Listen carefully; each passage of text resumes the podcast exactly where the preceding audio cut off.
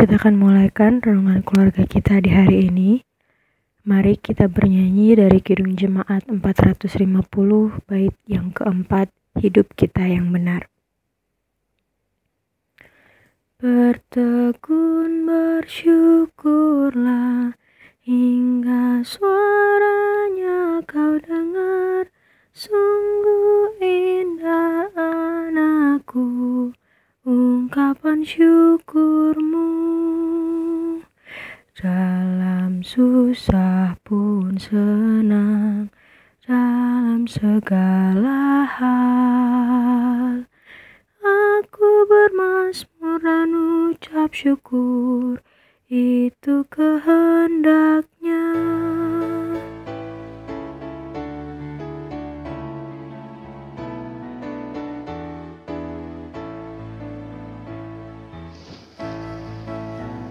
Mewaspadai emosi negatif bagian 2 Pada renungan sebelumnya di hari Senin telah disampaikan bahwa emosi seperti kemarahan, kekhawatiran, kekecewaan, dan kesedihan adalah hal yang wajar.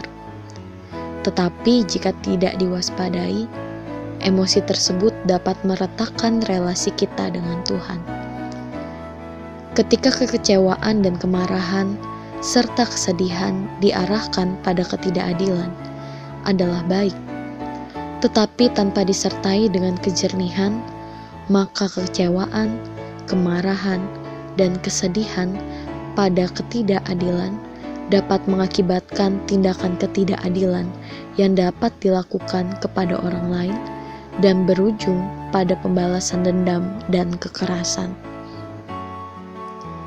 Salah satu cara yang memungkinkan kita dapat memahami bagaimana emosi negatif itu dapat membuat relasi kita dengan Tuhan menjadi kurang baik adalah melalui contoh sebagai berikut.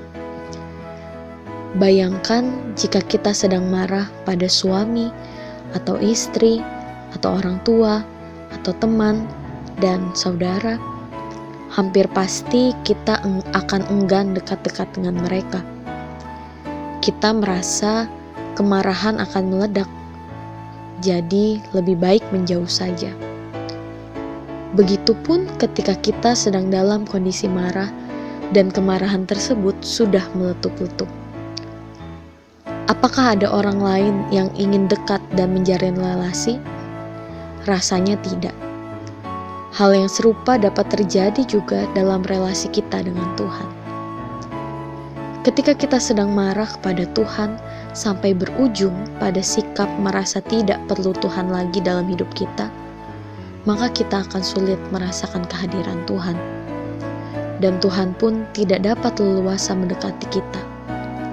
Sebab kita sudah enggan bahkan menjauh dari Tuhan.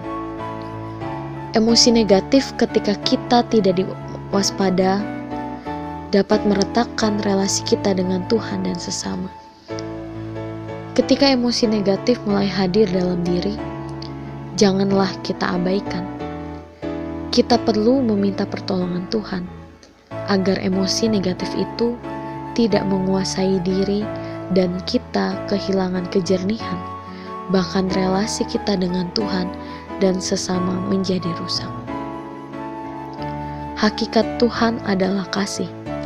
Di dalam 1 Yohanes pasal yang keempat, ayat yang ke-7 sampai ke-8 dikatakan, Saudara-saudaraku yang kekasih, marilah kita saling mengasihi, sebab kasih itu berasal dari Allah, dan setiap orang yang mengasihi lahir dari Allah dan mengenal Allah.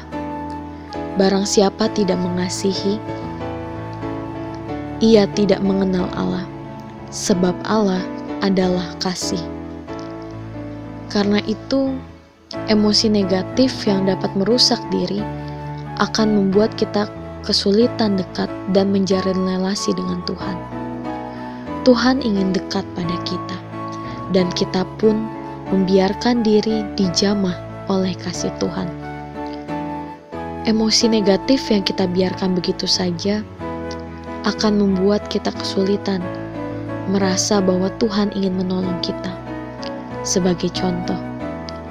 Ketika kita pernah mengalami perlakuan yang tidak menyenangkan dari orang lain, bahkan dari orang yang kita kenal, bahkan melukai hati kita, kita merasa sangat marah.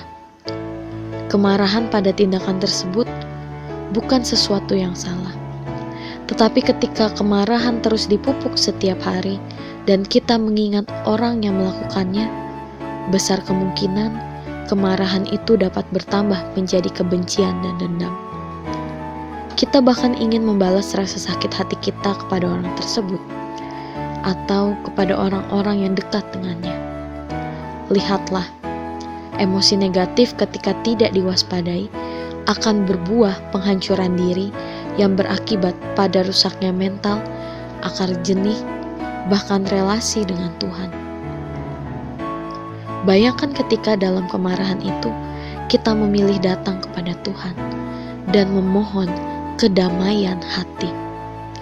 Maka Tuhan akan leluasa bekerja memberikan kedamaian hati kepada kita sehingga kita tidak dikuasai dengan bayang-bayang kebencian pada orang yang telah melakukan tindakan yang menyakiti hati kita.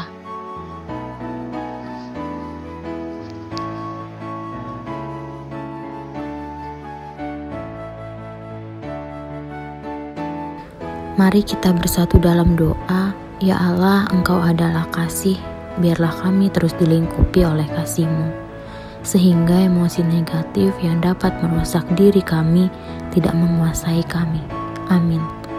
Renungan pada hari ini selesai. Kiranya Tuhan Yesus memberkati.